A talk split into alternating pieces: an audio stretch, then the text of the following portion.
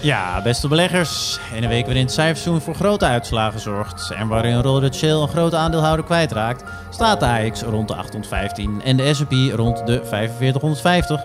Tijd om te praten over beleggen. Dit is voorkennis. Three ways to make a living in this business. Be first, be smarter, or cheat. No, I don't cheat. Beleggersbelangen presenteert voor kennis. Ja, beste beleggers, leuk dat jullie weer luisteren naar een nieuwe aflevering van Voorkennis. Mijn naam is Maarten Butteman en samen met beleggingsspecialisten Michiel Pekelharing en Stefan Hendricks werpen we weer een, eh, een blik op de financiële markten. We gaan het deze week hebben over uh, de voormalige en huidige Nederlandse chemiegiganten. Uh, de energiecrisis uh, rondom de nutsaandelen. Uh, we vergelijken deze week daarnaast ook nog eens, net als voorgaande keren, de twee sectorgenoten. En dat zijn in dit geval Philips en Siemens Healthineers. Zoals altijd is er weer genoeg gebeurd ook deze week. En dus beginnen we met de terugblik. En daarvoor begin ik even bij Michiel. Leuk dat je er weer bij bent. Ja, flow traders vandaag. Laten we daarmee maar beginnen, denken. Nou, om eerst te zeggen, heel leuk om hier te zijn. En wat minder leuk is, zijn natuurlijk de resultaten van flow traders. De koers gaat 12% lager. Wat is er gebeurd? De EBITDA is gehalveerd. Uh, ze hebben heel veel last van margeproblemen. Ze hebben uh, met name in Amerika toenemende concurrentie. Wat je ziet, ze willen daar groeien op het gebied van uh, ja, die, die ETF-markt. Wat zij doen is eigenlijk service van ETF's, het opbouwen van ETF's als de klanten dat nodig hebben. En de handel erin faciliteren. Mm -hmm. best wel een competitieve markt in de VS. de marge is volgens mij van 2,7% in het vorige kwartaal naar minder dan 2% nu gegaan. Zolang deze marktomstandigheden aanhouden, komt daar geen verandering in. En beleggers die zien erbij al hangen. Het punt is alleen, wat moet je met flow traders? Die moet je juist hebben als het woeliger wordt op de beurs. Als de zenuwen, ja, zodra het echt, echt spannend wordt, kijk naar het eerste kwartaal van vorig jaar. Toen hebben ze in één kwartaal meer winst gemaakt dan in de drie jaar daarvoor samen. En, want hard omhoog, dat is niet uh, voor zover dat nu het geval moet, is. Maar dat is niet grote bewegingen hebben en daar, daar okay. profiteren ze van. Ja, en ja, vandaag het is, is afgestraft. Want dit is dus het is nieuw dat, deze, dat het zo moeilijk is wat ze daar uh, probeert te bereiken? Nee, dat, is op zich niet nieuw hoor. Maar het punt is alleen dat die markt steeds competitiever wordt. En in Azië en Europa zijn er nog best wel groeimarkten. Alleen in Amerika wordt het steeds meer een vechtmarkt. Ja. Ze lossen dat op door te investeren in nieuwe initiatieven. Bijvoorbeeld ook valutahandel, uh, digitale valutahandel en andere ja. zaken. Het punt is alleen dat die nieuwe omzet en die specificeren ze nog niet. Ik denk als ze dat gaan doen, dan komt er misschien wat meer fantasie in het aandeel. Ja. Maar uh, dat is voorlopig nog niet voldoende om uh, ja, gewoon met name het margeverlies in de Verenigde Staten op te vangen. Okay. Michiel, is dan die, die nieuwe omzetstromen die ze, die ze bijvoorbeeld die, die valutahandel, is dat dan ook weer een soort defensieve uh, kwaliteit weer. Is dat dan ook weer iets waar je wat aan hebt als de markt hard omlaag gaat? Of is dat eigenlijk uh, iets wat gewoon los van staat? Dat, dat staat er los van. Het is niet, uh, wat met name waar ze veel verdienen is handel voor eigen rekening. En dat is met name op fixed income en equities, obligaties en aandelen. Op het moment dat, ja, gewoon dat de zenuwen toeslaan op de beurs, dan zie je de spreads oplopen. Het verschil tussen bied- en laadkoers.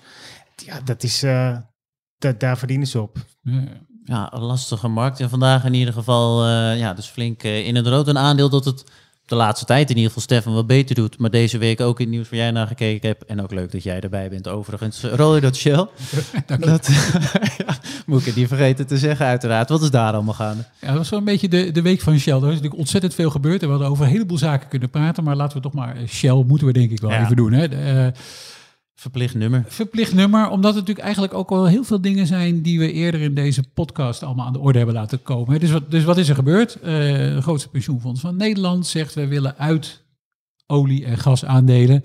En daarmee bouwen we dus ook onze belangen in Shell af. Nou, dat was op zich al een, een soort een, een bombshell, als ik deze hele foute woordgrap even mag maken. Mm -hmm. uh, en daarna, of het nog niet erg genoeg was, uh, komt er een activistische aandeelhouder, Third Point. En die zegt, nou laten, misschien moeten we Shell maar opsplitsen. In een duurzaam deel en in het deel wat eigenlijk niemand echt wil hebben. En ook daar hebben we het in die podcast al zo vaak uh, over gehad. Hè. Uh, een paar weken geleden nog bij een Brits nutsbedrijf, Scottish and Southern Energy, waar Elliott Management inkwam. Eigenlijk precies hetzelfde idee. Hè. Laten we de duurzame tak, hebben de tak die, die zegt, nou die willen wij liever niks mee te maken hebben, bestaat wel, maar liever niet. Mm -hmm. Ja, er is overal ontzettend veel uh, rumoer over ontstaan. Social media natuurlijk. Volgens mij de voorzitter van het APP, heeft de, de, de topbestuur van het APP, die bij Nieuwsuur dit nog kwam verklaren. Oké. Okay. Hoopte hè, dat dit een signaal zou zijn. Voor ik de, sta ervan te kijken de snelheid waarmee dit gaat. Want ik weet enkele jaren terug toen ik een gesprek had met eh, Peter Boogdorf van de grote, ja, andere grote pensioenfonds. Die zei van ja, eh, wij zitten nog in cola-aandelen. We zouden er misschien wel uit willen. Maar zodra we dat gaat zeggen, dan komt het naar buiten. En dan gaat iedereen er natuurlijk uit. En dan snijden we onszelf in de vingers. Dus in dat opzicht vind ik het wel heel ja, opvallend dat dit statement zo gemaakt wordt. Eh, tweede, misschien kan jij er wat over zeggen, Stefan. Ik vraag me af, hoe lang gaat dit ook door? Hoe verder gaat dit? Want ja, tabaksbedrijven sluiten, veel bedrijven, veel, veel beleggers al uit. Wordt het straks suikerbedrijven? Hoe, Ja, hoe, hoe ver kan dit gaan? Ja, precies. Nou ja, dat is inderdaad waar je. eh, Dit is natuurlijk heel direct gekoppeld aan het klimaat. Hè? Dus je zou kunnen zeggen, dit is dan misschien nog een redelijk afgebakend terrein. Hè? We, hebben hier, Ja. we hebben het hier over de opwarming van de aarde. Eh, nou, dan zou je kunnen zeggen of je nou een blikje cola drinkt. Eh, of een blikje spa rood. Dat is misschien dan niet een enorm groot verschil. Dus die suiker is er misschien een wat ander. Ik ben met je eens dat het, hè, als je breder kijkt over wat is duurzaam en wat is zeg maar eh, goed gedrag, zou dit er misschien ook bij kunnen. Maar dit is natuurlijk heel specifiek op die klimaatmaatregelen. Volgens mij zei de topstuur van het ABP ook. Ehm, ja, misschien is dit ook een signaal naar de klimaattop in Glasgow. Ja, dat vond ik wel opmerkelijk als dat inderdaad zo is. Want ik denk niet dat het aan het ABP is om signalen te geven aan een klimaattop ergens. Eh, en, en je blijft zitten natuurlijk met het issue, eh, Maarten, waar wij het al eerder over hebben gehad. Bijvoorbeeld bij Anglo-American, eh, dat ze een steenkolendivisie heeft afgesplitst. Ja. Ja, die activiteiten zijn niet weg. Nee, het is niet nee, dat het, dat het zeker. opeens... En je, en je hebt er geen invloed meer op. eh, je hebt er geen invloed meer op. Dus het ABP had ook voor een ander model misschien kunnen kiezen en meer met Shell in gesprek kunnen gaan. Hè? Als je dat, dat is ook een model natuurlijk. Ja. Je kunt natuurlijk zeggen van we stemmen met onze voeten, we willen er niets meer mee te maken hebben. En een andere manier is om te zeggen nou we blijven aandeelhouder en we houden de vinger aan de pols en we proberen dat bedrijf als grote aandeelhouder, als bekende partij, een beetje de richting op te duwen die we graag zouden willen. Engagement is natuurlijk wel een beproefde strategie, maar ik heb de laatste tijd met best wat grote asset managers gesproken die ook specifiek over Shell dan zeiden, die daarbuiten toen maar wel intern als het ware, van eh, ze veranderen niet hard genoeg, wij hebben daarom onze positie in het bedrijf verkocht. Nou, dat zou, Ja. maar dan zou het ook goed zijn eigenlijk als we dat misschien, ik weet niet of dat ook eh, door haar zo benoemd is, door, de- door ABP. Maar dan zou dat wel ook wel goed zijn om te weten, want dan, dan geeft dat nog wat extra druk eh, op zo'n bedrijf. Maar nu, eh, ja. het- En waar, waar moeten nu de beleggers, wat, wat moeten die hiermee? Eh, want goed, kijk, eh, de, de partijen zelf zijn nog niet groot genoeg om, hè, ze geven wel een signaal af, maar verder zal het nog weinig invloed hebben. Maar het is dan meer de trend die misschien gezet wordt in de hoop dat de anderen het volgen. Hoe, hoe moet je hier als belegger mee omgaan? Als, mag ik deze eh, Ja, beginnen? ga je eerst. Wat, wat ik zou doen is zelf, ik geloof heel erg in duurzaam, begrijp me niet verkeerd. Ik zie die duurzame verandering vorm krijgen, de energietransitie, ik, ja, ik zie het gebeuren. Hmm. Eh, het punt is alleen, eh, als belegger kijk je uiteindelijk natuurlijk ook wel om je naar je financieel rendement en je houdt er rekening mee welke impact dit soort stappen van het ABP hebben. Hmm. Dus je weegt het mee. En ik zou niet zeggen dat eh, zo'n overtuiging, tenzij die overtuiging voor jou heel zwaar weegt, of dat dat voldoende is om je beleggingsuniversum zelfstandig als het ware in te krimpen. Je berooft jezelf van beleggingsmogelijkheden. En het kan best zo zijn dat als je op een bepaalde manier naar kijkt, Shell een prima belegging is. Ja, en misschien zou ik er nog aan toe willen voegen. Het is ook heel erg een individuele afweging, hè Maarten? Dus ik, we hebben het in het verleden in de podcast gehad over defensieaandelen. Ja. Eh, nou, ik kijk er wel een beetje zo tegenaan op het moment dat wij vinden dat het, dat het land verdedigd moet worden. Of dat nou is tegen een cyberaanval of tegen een fysieke aanval. eh, ja, dan geef je dus geld uit aan defensiemateriaal. Dan kun je wel zeggen, eigenlijk is dat niet echt heel erg duurzaam. Nee, dat klopt, inderdaad. Het is misschien niet heel erg duurzaam. Maar het maakt nog wel onderdeel uit van de maatschappij. Het is nog wel iets waar we met z'n allen wat mee doen. En hetzelfde geldt, vind ik in ieder geval, voor, ook voor olie en gas.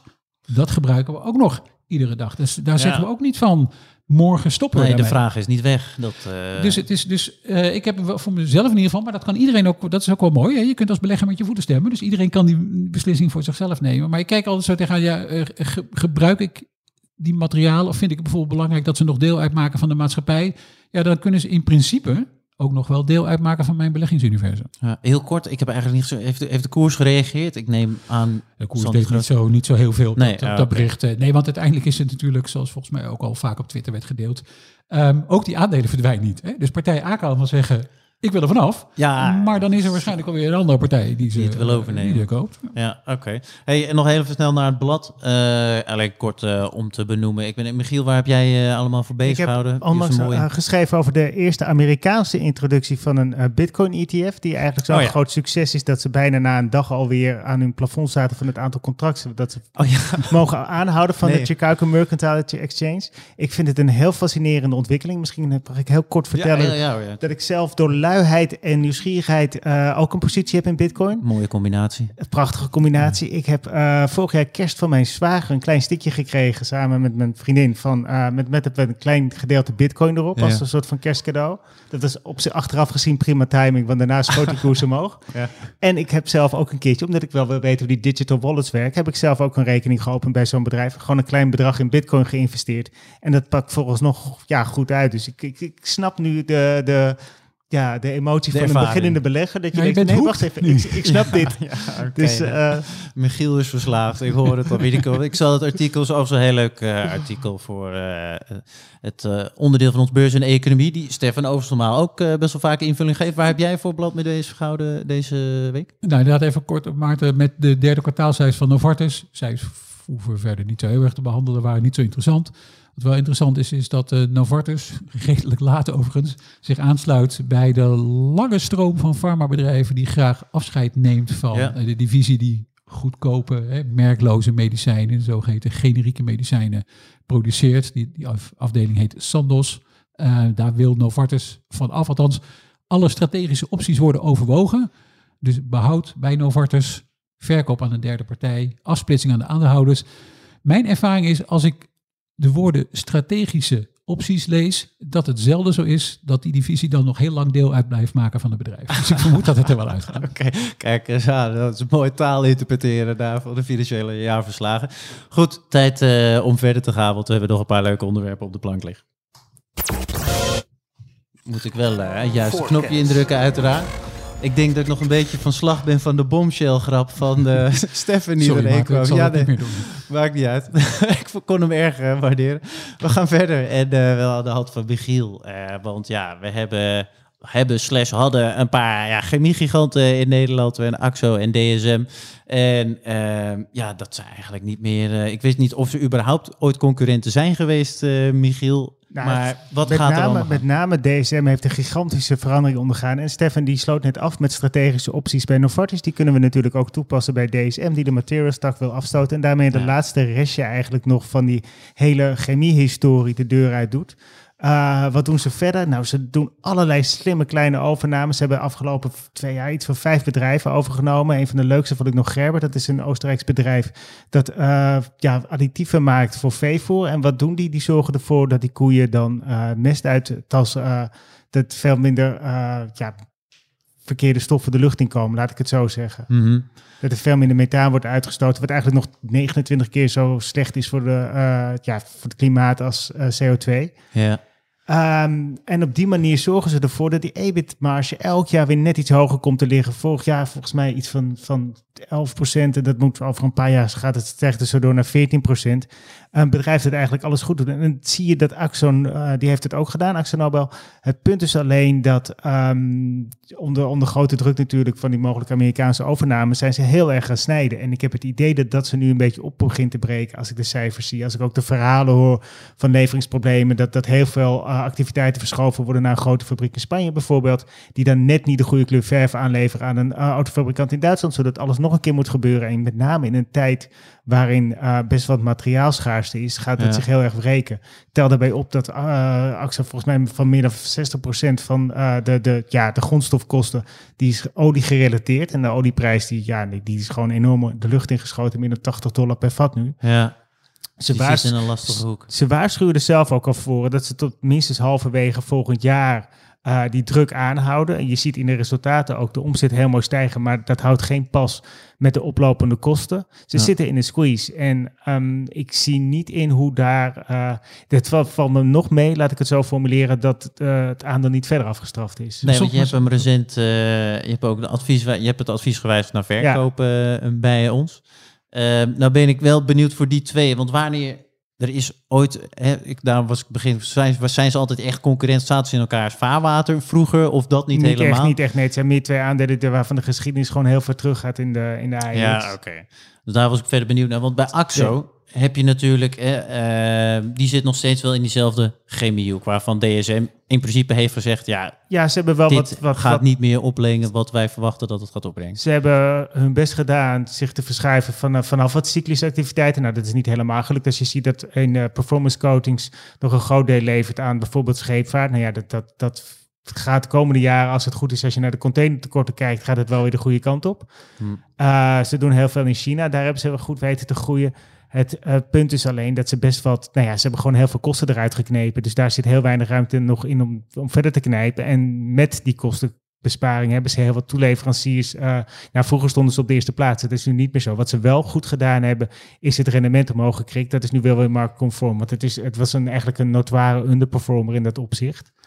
En dat is ook de reden waarom, ja, waarom de interesse eigenlijk gewekt werd van... hé, hey, wacht even, is AXO eigenlijk niet een interessante overnameprooi? Ja, want eh, dat, dat speelt dus blijkbaar op... De overnameprooi, ik zie dit voorlopig niet gebeuren. Oh, oké, oké, oké. En ik dacht heel even dat je dat insinueert. Jij wilde wat eh, vragen, Stefan? Nou, meer eigenlijk een opmerking. Soms heb je als dat. We hadden het net over strategische opties natuurlijk hè, voor, eh, voor bedrijven. Ja. En je zou kunnen zeggen dat Axo misschien best heel veel goed heeft gedaan. Hè, afscheid genomen van wat Organon. Ja. natuurlijk. Hè, de farmacie uit de klein. Gespecialiseerd naar, naar een, nou misschien een, een niche-markt zou ik niet eens willen noemen. Maar die ververmarkt, daar dan een grote partij in zijn. Maar ja, dan kun je nog wel een slachtoffer worden van de omstandigheden. Hè? Dus eh, auto-industrie die het misschien moeilijk heeft. eh, eh, grondstoffenprijzen die hard oplopen. En dan zou je kunnen zeggen, ja, dan is het misschien niet zozeer dat je slechte strategische keuze hebt gemaakt, maar dat het gevolg van die strategische keuze, ja, soms dit is Ja, zoals het zich en- Ik ben ook... Dit is ook, ze hebben het op zich qua, qua performance de afgelopen jaren niet slecht gedaan hoor. Nee. Het is alleen dat het, ik, zie- ik, zie- in mijn ogen ze zitten nu gewoon even klem. Ik, zou- ik zou niet weten, ik zou geen oplossing hebben hoe je hier eh, ja, als bedrijf de komende kwartalen goed uitkomt. Ik ben daar ook benieuwd. Ik zat ook in lijn misschien hiermee wat betreft strategische opties. En dat soms ja, gewoon, eh, nou ja, om het maar even pech te noemen, dat dat je overkomt. Is het voor Axo Nobel überhaupt, het lijkt mij een moeilijke eh, marktsegment om te innoveren. Eh, zoals DSM, die gaat nu, ja, dat is echt een innovatiebedrijf geworden in die zin met alle strategische plannen Ja, die daar ze kan, hebben daar, kan, gemaakt. daar, En- daar, daar kan Axo niet aan tippen. Wat ze wel kunnen doen is natuurlijk verf maken die langer meegaat. Waar ze heel erg op inzetten is verf die beter is voor het milieu. Eh, Precies, ja. ja. Ze, ze, ze, eh, dat is misschien niet echt innovatie, maar ze hebben ook elk jaar een kleur van het jaar. En dan wordt een nieuwe wagen van Max Verstappen wordt daar weer ingespoten. ze doen, ze doen Nou ja, heel veel... marketing is ook belangrijk. Ja, ze doen heel veel dingen doen ze wel, wel goed hoor. Begrijp me niet verkeerd. Maar- Oké, dus ik dat- wist de, de, qua- de qua- duurzaamheidsfactor. Maar qua innovatie, en dat zie je ook terugkomen qua ja, ja, gewoon de, de resultaatontwikkeling, de groeikansen, hoe, hoe DSM dat doet. Als ik eh, morgen in een raket moet stappen voor een tienjaarsmissie naar Mars, dan zou DSM een van de aandelen zijn die ik in mijn portefeuille zou hebben. Mooi vergelijk. Hey, nog even, even de Axo, want ik ben, wie, wie zijn nu de concurrenten van Axo en zitten die met de soortgelijk probleem? Zitten die ook, is het gewoon echt de sector die het heel zwaar heeft op dit moment? Is, of eh, zijn er ook eh, concurrenten die het beter doen? Het is de sector. Het zijn niet echt bedrijven die eruit springen. Je hebt een paar grote ja, spelers in de Verenigde Staten. Ehm, ja, het is nog wel een behoorlijk versnipperde markt. Je hebt eigenlijk volgens mij maar de helft van de markt echt in de handen van, van de grote spelers. Je hebt heel veel lokale partijen. Het kan, kan zich nog wel een mooie consolidatieslag eh, af, aftekenen. Ik zie dat het ook, volgens mij was het in september dat ook zo weer een kleine overname gedaan heeft. Maar ja, ze, ze, ze, ze hebben zich vooral toe- toegelegd op een beleid om geld te delen met de aandeelhouders om die aandeelhouders tevreden te houden. Dat doen ze prima. Maar het gevolg is wel dat ze, ja, dat, dat ze weinig ruimte hebben om daar nog heel veel, veel waarde toe te voegen. En eerlijk gezegd, als ik kijk naar de waarderingen, weet ik ook niet of je nu op dit moment eh, eh, een groot verfbedrijf gaat inlijveren. Of een coatingsfirma. Of... Nee, oké. Stefan, jij, ben jij van een van de twee bedrijven eh, fan, geen fan? Zit eentje in je raket naar de maan, eh, Eh, zoals... eh, nee, nee, beide Mars, niet. Mars. Oh, Mars, sorry. Nou, misschien ga ik dan naar de maan. Nee, eh, beide niet. Maar kijk, het, het verhaal van DSM is natuurlijk voor beleggers wel wat meer sexy, denk ik. Wat ik net al Ja. zei. Als je je specialiseert als een verf- en coatingsbedrijf, ja, dat, dat is prima natuurlijk, niks mis mee, want het, we zien het overal om ons heen.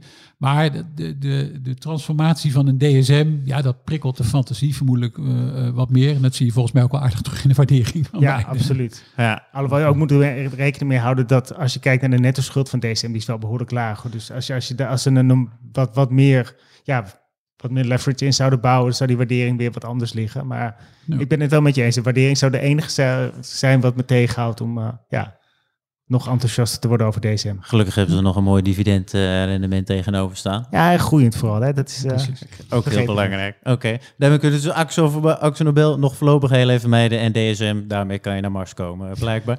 Dus een mooi besluit eh, om aan dit onderwerp aan een einde te komen. Voorkennis. Want eh, van DSM en Axo gaan we verder naar eh, de nutsaandelen. Ja, er is genoeg gebeurd eh, op de energiemarkt en eh, daar zijn eh, de nutsaandelen niet... ja, die hebben daar ook hinder van. Steffen, vertel. Ja, dat kun je wel zeggen. Eh, nou, we weten inderdaad allemaal wat er is gebeurd met de gasprijs natuurlijk. Eh, De aardgasprijs, hè, een vrij spectaculaire ontwikkeling. Aardgas wordt natuurlijk ook gebruikt om stroom op te wekken. Daarmee gaan de stroomprijzen ook heel erg hard omhoog.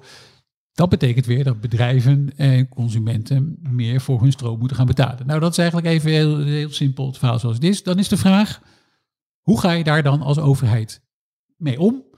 Nou, en de Spaanse overheid heeft maar eens een schot voor de boeg gegeven.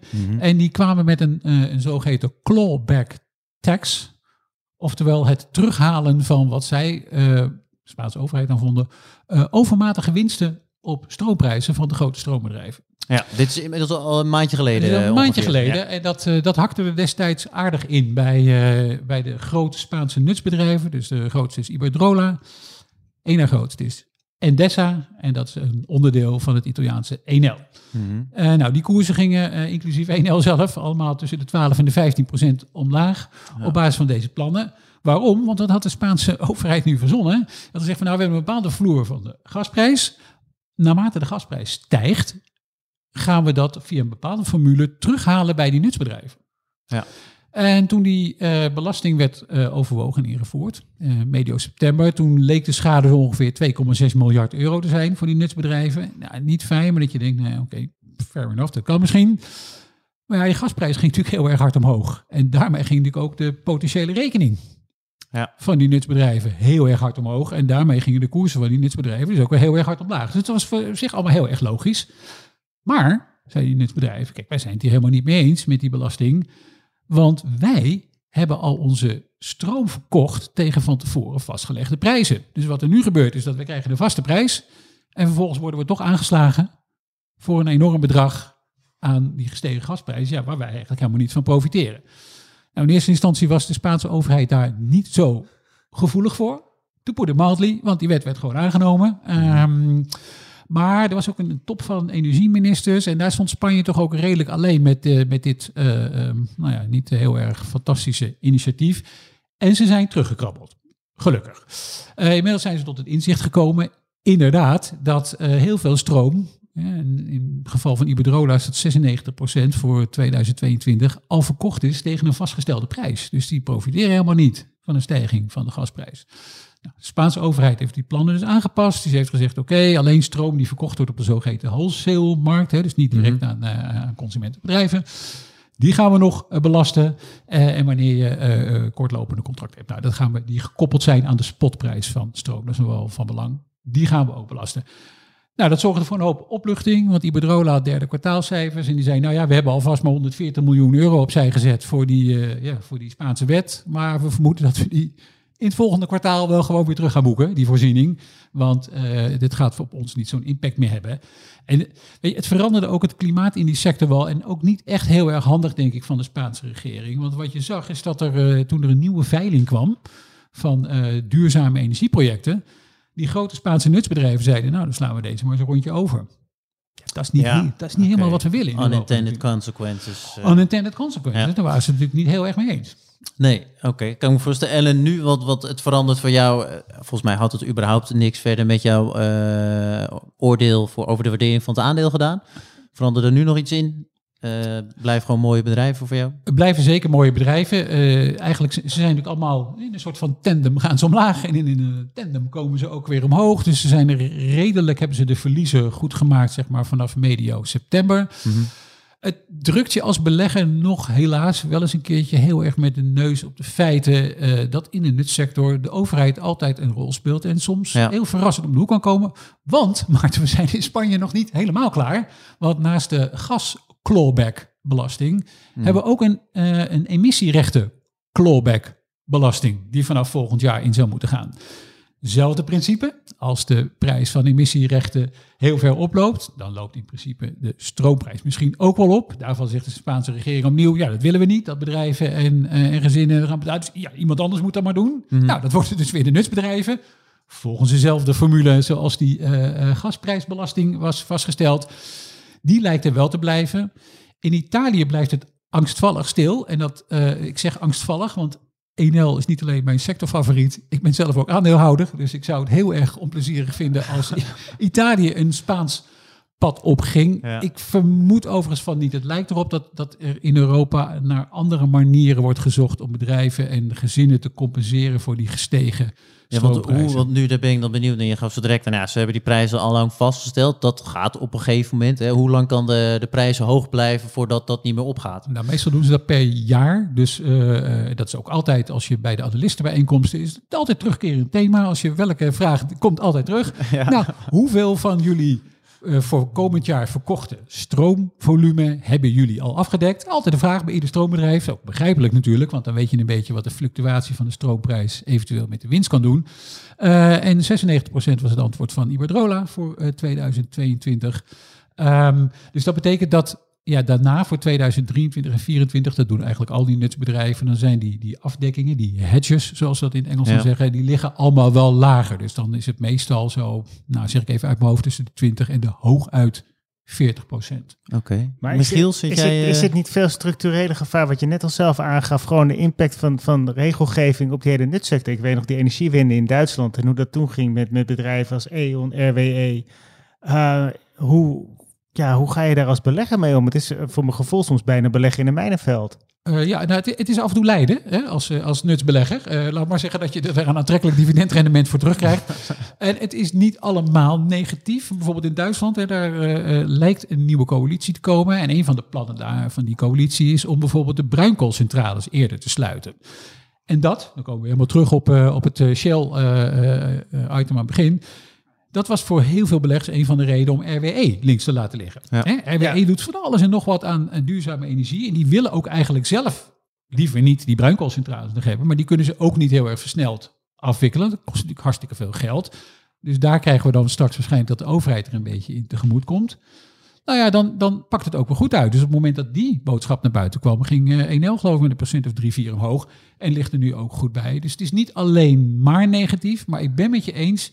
Iedereen die in de nutsector belegt, ja, die moet gewoon rekening houden met het feit dat bij extreme zaken, en laten we wel wezen, de gasprijsontwikkeling, ik bedoel, je kan veel grafieken erbij halen, maar die van aardgas Ja, is echt extreem. ja. Ja, er zijn dingen gaan inderdaad. Ik ben nog wel benieuwd als het er toch vanuit regelgeving gaat. Jij hebt ook eh, ooit een artikel geschreven en er kwamen een aantal Amerikaanse namen voorbij.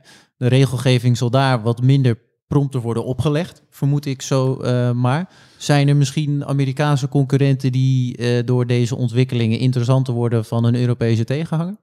Ja, we hebben, ik heb destijds ook een aantal eh, Amerikaanse aandelen getipt. En trouwens ook zelf in portefeuille genomen. Ehm, eh, de, de, de aardgassituatie ligt daar natuurlijk heel anders hè, dan in Europa. Dus dat, de problematiek is hier al bekend. Onder andere ook met de gaskraan van Gazprom en meneer Poetin wel of niet eh, open. Dus dat ligt anders in Europa dan, eh, dan in de VS. Dus de situaties zijn echt niet vergelijkbaar. Uh, regelgeving, uiteraard, speelt ook daar een rol. Druk van aandeelhouders om inderdaad steenkoolcentrales eh, te gaan sluiten en meer naar duurzame energie te gaan, zie ik ook terug bij Amerikaanse bedrijven. Dus ik zie het ook terug bij Consolidated Edison, ook bij eh, AES, ook bij eh, American Electric Power. Eh, dus eh, eh, die, die ontwikkelingen zijn wel vergelijkbaar. Dat Ja. die, ook die nutsbedrijven langzaam maar zeker afscheid moeten nemen van dit soort Ik activiteiten. hoor heel vaak als ik over ja, duurzame vergelijkingsmaatstaven schrijf, hoor dat Amerika in dit opzicht toch best wel achterloopt bij eh, Europa. Is dat ook wat, wat, wat, wat jij ziet? Of is het toch wel op dit vlak, in ieder geval binnen de nutsector, natuurlijk een van de gebieden waar je heel dicht bij de, bij de bron zit, is dat toch wel zit, ja, meer vergelijkbaar? Heel kort. Ja, heel kort aan. Ik denk dat je op zich wel een punt hebt. In Europa is duurzame energie natuurlijk altijd veel meer speerpunt geweest. En in Amerika, waar schalieolie bijvoorbeeld ook nog heel, lang heel populair was. Ehm, dus heb je in Europa een aantal van die grote duurzame kampioenen. Uh, Ørsted hè, uit uh, Ja, Denemarken. Iberdrola is er eentje van. Eigenlijk Enel ook wel een beetje. Uh, in Amerika heb je Next Era als grote partij. Ehm, maar je hebt gelijk, eh, Europa, ehm, hier speelt het wat meer, ook dankzij Frans Timmermans, zullen we maar zeggen. Nu Ja. sluit ik af, maar Kijk, nou, nou, mooie afsluiting. En voor de luisteraars eh, zal ik het artikel destijds van Stefan nog heel even in de show notes eh, zetten. Voorkennis. Want eh, dan is het tijd om verder te gaan eh, met het eh, vergelijken van twee vergelijkbare aandelen. In dit geval dus Philips en Siemens eh beide een flinke transformatie ondergaan. Of Philips een transformatie, de andere komt vanuit een afsplitsing. En Stefan, ik begin heel even met jou. Jij hebt Siemens Healthineers voor je rekening genomen. Vertel ons een beetje over dit bedrijf. Ja, nou, dat is, uh, je maakt al terecht punt. Siemens en Philips, hè, dat uh, soort van oeroude Europese conglomeraten. Er zat van alles en nog wat onder. Nou, dus mm-hmm. ook um, gezondheidszorg en dan medische technologie, moet je dat maar noemen. dus Siemens Healthineers is in 2016 min of meer door Siemens als een zelfstandige divisie neergezet, die later op eigen benen zou moeten staan. En in 2018, maart 2018, hebben ze een eigen beursnotering gekregen. Nou, wat doet Siemens Healthineers nou? Het is eigenlijk de, samen met Philips en General Electric de belangrijkste speler in wat men dan imaging noemt. Dus dan moet je denken aan MRI-scans en CT-scans en allerlei software en scanmateriaal dat gebruikt wordt bijvoorbeeld bij operaties. Ja. Uh, daar zijn zij echt, uh, daar behoren ze echt tot de top. Um, het is een bedrijf, het is een redelijk groot bedrijf. De market cap is 66 miljard ongeveer. na negen maanden omzet van het gebroken boekjaar wat Siemens heeft, hebben ze toch meer dan 12 miljard omzet. Dus het is, het is een, een serieuze partij in een interessante en snel groeiende markt. Oké, okay. Waarom die afsplitsing voor Siemens, dat was gewoon wat was de reden erachter? Nou, Siemens had een. Uh, uh, uh, Siemens heeft zo ongelooflijk veel activiteiten. Als ik die hier moet gaan opnoemen en gaan bespreken, dan zijn we zeker twee podcasts verder. Okay. Um, dus bij Siemens zijn er, net zoals bij al die andere conglomeraten, door de jaren heen eigenlijk bepaalde keuzes gemaakt. Dus waar, wat is nou eigenlijk de kern van ons bedrijf? En bij Siemens zit dat heel erg in uh, industriële automatisering en digitalisering. Dat is eigenlijk okay. de kern van Siemens. En, en, daaromheen waren er een aantal andere divisies. Uh, dus uh, bijvoorbeeld divisie die bijdraagt aan de nutsector. Hè? Dus het, het, maken van gasturbines bijvoorbeeld. Treinen hadden we nog. Wat hebben we nog, nog, nog meer gehad? Gloeilampen, je kan het zo gek niet verzinnen. Gloeilampen. Ja. Nee, Infineon natuurlijk. Hè? Ja. De, oh, die komt ook van de... Ja, maar dit, ja, is, dit is bijna... Het is een hele mooie brug inderdaad zo naar, naar Philips. Die Philips inderdaad ook al hun verlichtingstak hebben afgestoken. Signify. Ja. Uh, ASML hebben ze aan de wieg gestaan van, van dat bedrijf. Veel meer gedaan. Ik weet... Gaan meteen anders over Philips uh, voor jou een kleine ik introductie. weet nog dat, volgens mij was het rond het jaar 2000 dat ik een ABN AMRO analistenrapport in mijn handen had die een fair value of op een, ja, gewoon de rekening houden met de verschillende bedrijfsonderdelen van Philips kwam van 125 euro. Nou, daar zitten we nog steeds lang niet aan. Maar dat geeft wel aan hoeveel activiteit dat. Volgens mij had Philips in de tijd ook nog uh, Polygram, dat zelfs een uh, eigen studio was van alles en nog wat. En dat is de laatste jaren geleidelijk minder geworden. Mm. De, de, laatste afsplitsing is uh, eigenlijk gewoon de, de consumententak.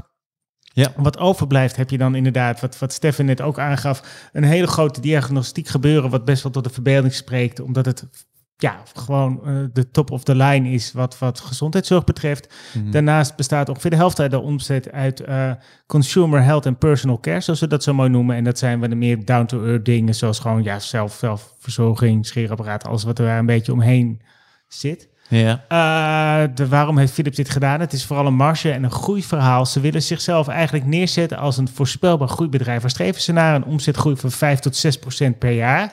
Hmm. Uh, dat klinkt niet heel erg tot uh, uh, verbeelding sprekend, maar het zou wel heel mooi zijn als het ze lukt. Want als je naar de afgelopen jaren kijkt, dan blijft die vergelijkbare groei schommelen rond de 4%. En ze willen de EBITDA-marge elk jaar gewoon met, met 60 tot 80 basispunten opschroeven van het ja, circa 13, 14 punten die het nu is. Uh, wel. Stefan, Stefan uh, slag voor te zijn, het gaat ze dit jaar inderdaad niet lukken. Ja, ze lopen daar, dat, daar dan ook nog wel wat achter bij Siemens. Hè? Want die zitten al op de, op de bijna 19% met een meevalletje in hun tak diagnostiek. Hè? Waar die, eh, die produceren die uh, antigeentesten uh, Ja, voor, uh, voor corona. Dus dat was dan, een, zullen we maar zeggen, een relatieve meevallen. Waarvan ik dacht, Michiel, dat, dat Philips daar een soort spiegelbeeld in had. In, uh, in beademingsapparatuur, ventilatiesystemen. Maar dat Viel mee of tegen? Dat is, dat is, Dus dat is, tegengevallen. ja. maar dat is niet de enige De terugroepactie hebben we het dan over. eh, Nee, nee, niet de nee, terug- niet de terug. Nee, voor ze de- zouden veel meer gaan leveren aan de Verenigde Staten, maar dat is uiteindelijk afbesteld. Dat was hem, ja. Oké. Nee, ja, het is- voor het is, eh, we, hebben, eh, Ja. we hebben een hele lijst van tegenvallers. Want waar, waar jij naar refereert, dat is inderdaad eh slaapapneuapparaten die Ja, mogelijk oh ja. kankerverwekkend zijn. Die tot een hele draad van nieuwe rechtszaken leiden in de Verenigde Staten en Canada. Eh, het is eigenlijk al eerder dit jaar naar buiten gekomen. Toen heeft Philips een last genomen van 250 miljoen. Daar hebben ze later nog eens 250 miljoen extra voor opzij gezet. Ik verwacht, nou, ik zie analistenrapporten langskomen. Het, eh, het is altijd heel lastig ja, zeggen van hoe, hoe hoog pakt het precies uit, met name in de Verenigde Staten. Ik zie bedragen langskomen van 1, 1,5 miljard. En eh, de, de grote ellende voor aandeelhouders is dat het einde van het verhaal niet in zicht is. Dit soort zaken kunnen best wel lang doorslepen.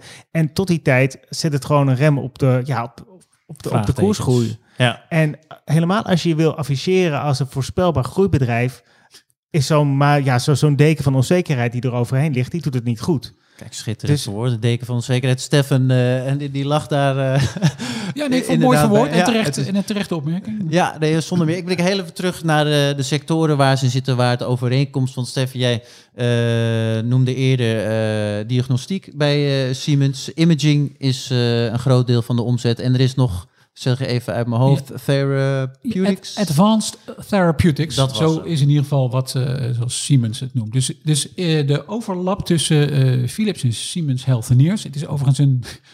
Siemens Healthineers is een afs- afschuwelijke naam, vind ik zelf. Maar goed, dat is... eh, eh, zo'n- zo'n- Dat is het zeker. Misschien Zo. luisteren mensen nou bij deze een Ja. klacht ingediend. Ja, maar ga verder. ongetwijfeld lang over gebrainstormd zijn. Maar dat terzijde inderdaad. Eh, nee, dus de overlap zit hem in die imaging. Dus we hebben het dan inderdaad over die MRI-scans Ja. en die CT-scans.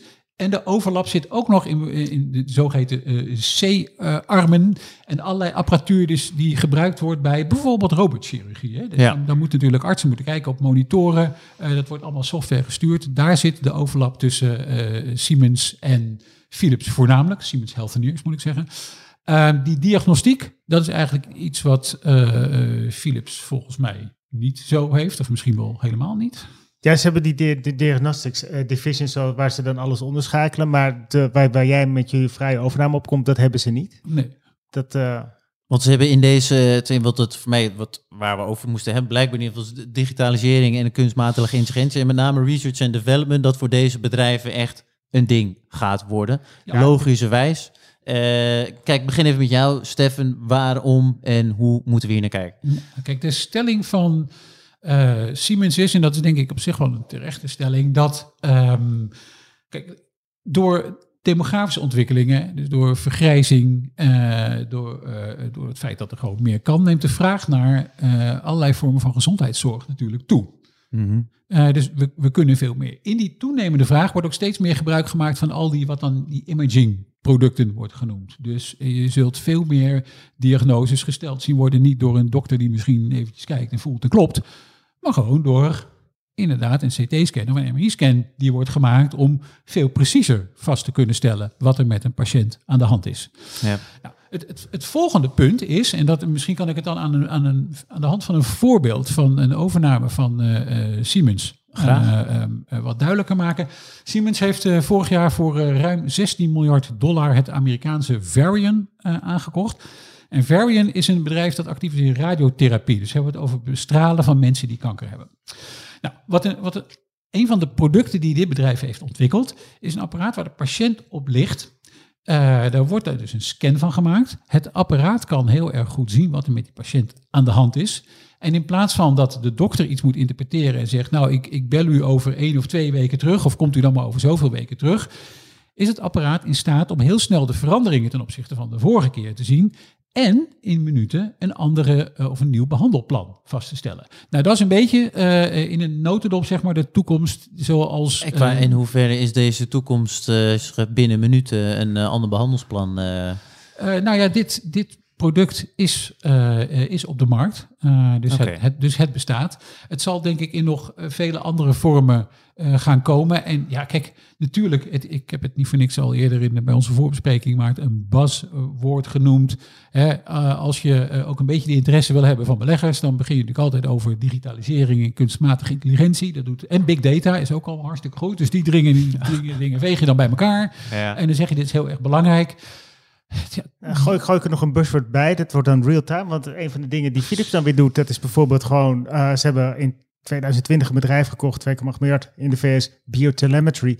Wat doen die? Die hebben dan gewoon van die hart, eh, ja, monitor als het ware, die draagbaar. Die houden voortdurend bij wat er gebeurt. Dus zodra er iets gebeurt, dan weten artsen meteen, dit is er aan de hand. En dat, dat is het. Je hebt gewoon voortdurend inzicht. Je gaat niet meer naar de dokter toe, maar de dokter ziet op het scherm precies wanneer er iets gebeurt, wanneer eh, ingrijpen noodwa- ja, noodzakelijk is. Het is nog niet zo mooi als dat er een compleet behandelplan wordt opgesteld. Dat, ja, daar laten ze, zo- zover zijn we nog niet. Maar Real-time daar gaan we wel... moeten we ook rekening mee houden. Want ja. waar moet ik überhaupt, hoe kan ik hier als belegger deze twee vergelijken, bij wijze van spreken? Hoe weet ik wie beter omgaat met eh, zijn research en development? Wie haalt daar het meeste uit voor het geld dat erin zit? Oh, is dat mag, überhaupt... Michiel even eerst. Ja, ik, heb, ik, heb, ik heb, ben zelf in de cijfers getrokken. Nou, Philips is natuurlijk een bedrijf dat ooit, nou, wat, wat, wat geweldig is in het uitvinden van allemaal nieuwe dingen. Ze hebben ooit een soort van draagbaar geluidsapparaatje, gewoon niet, niet alleen de Discman, maar ook een soort iPod gemaakt.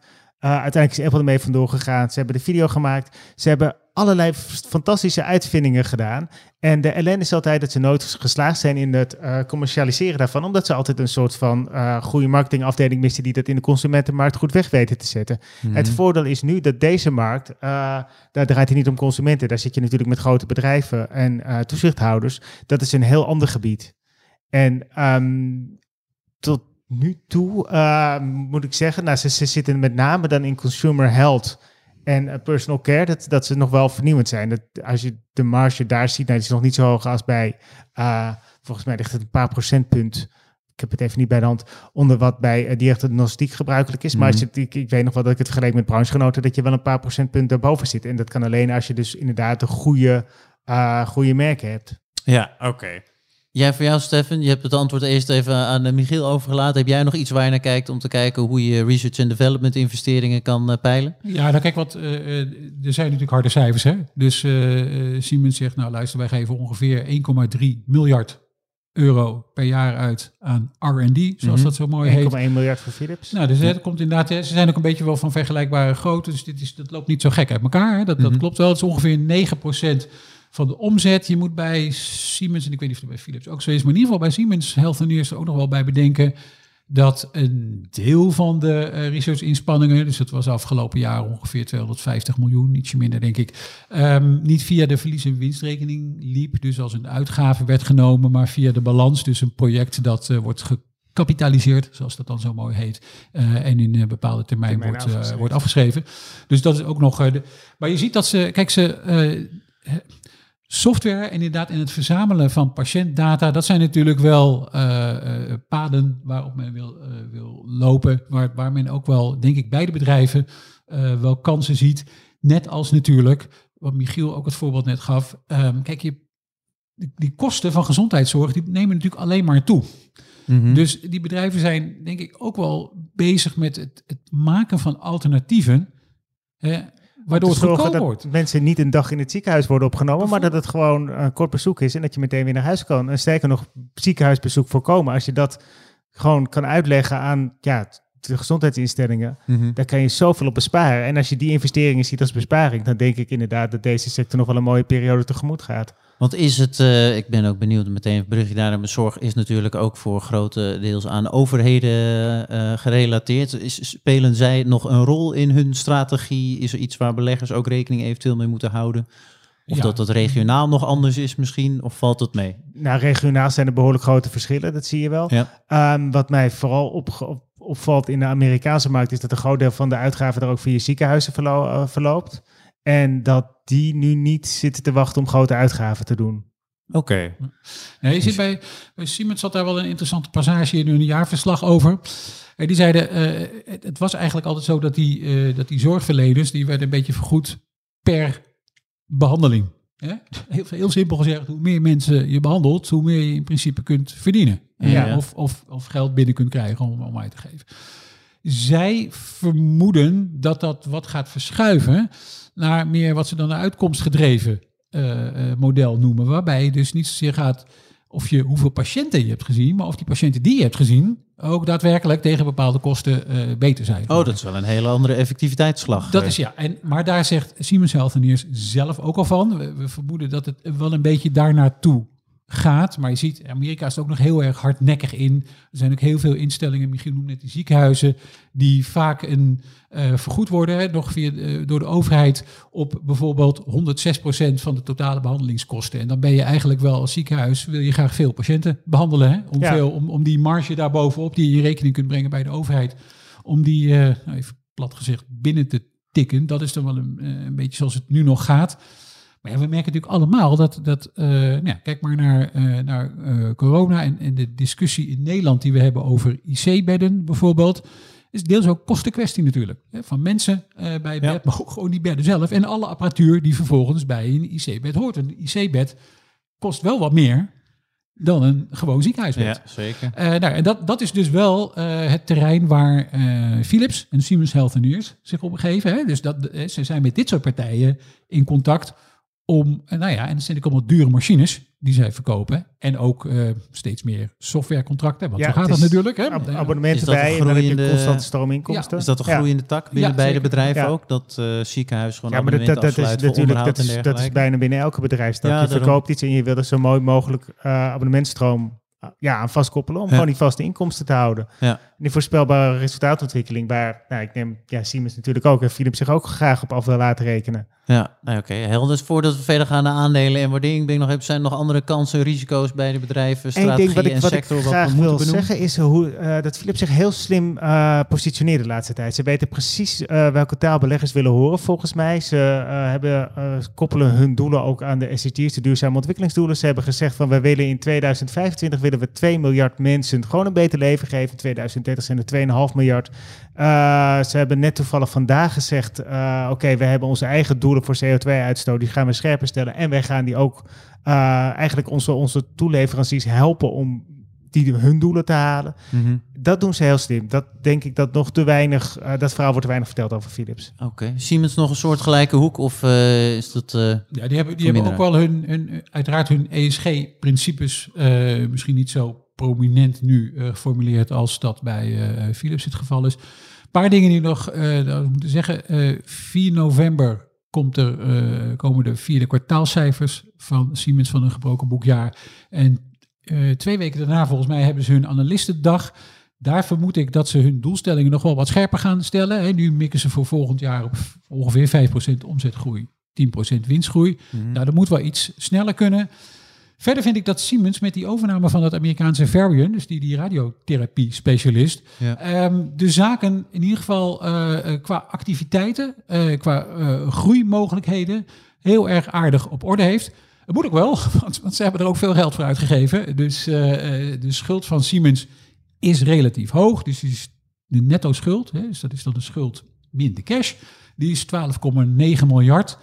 En dat correspondeert met zo'n eh, 3,7, 3,9, eh, nou, 3,7 keer de winst voor eh, afschrijving en amortisatie, de operationele winst.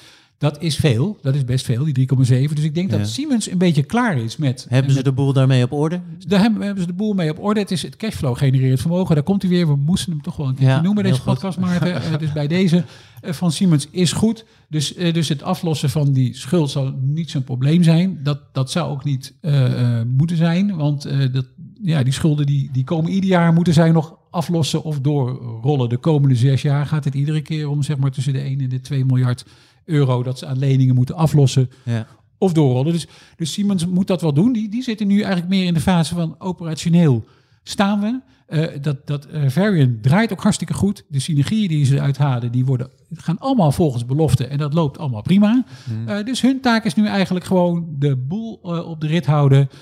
De cash binnen laten komen. De schulden weer eh, eh, terugbrengen tot meer aanvaardbare niveaus. Het is nu nog steeds niet dramatisch. En dan misschien weer een volgende stap zetten. Maar dit is een beetje het pad wat ik voor Oké. Siemens voorzie. De basis staat bij Philips, eh, ben ik benieuwd, een soort Die gelijk basis, nou, eh, No, totaal niet eigenlijk. Een heel verhaal. In heel veel opzichten kijken we alleen al naar die netto schuldpositie die Stefan net noemde. Die is voor, voor Philips is dat ongeveer 4 miljard. Hoeveel is dat? Dat is ongeveer 1,2 maal de EBITDA.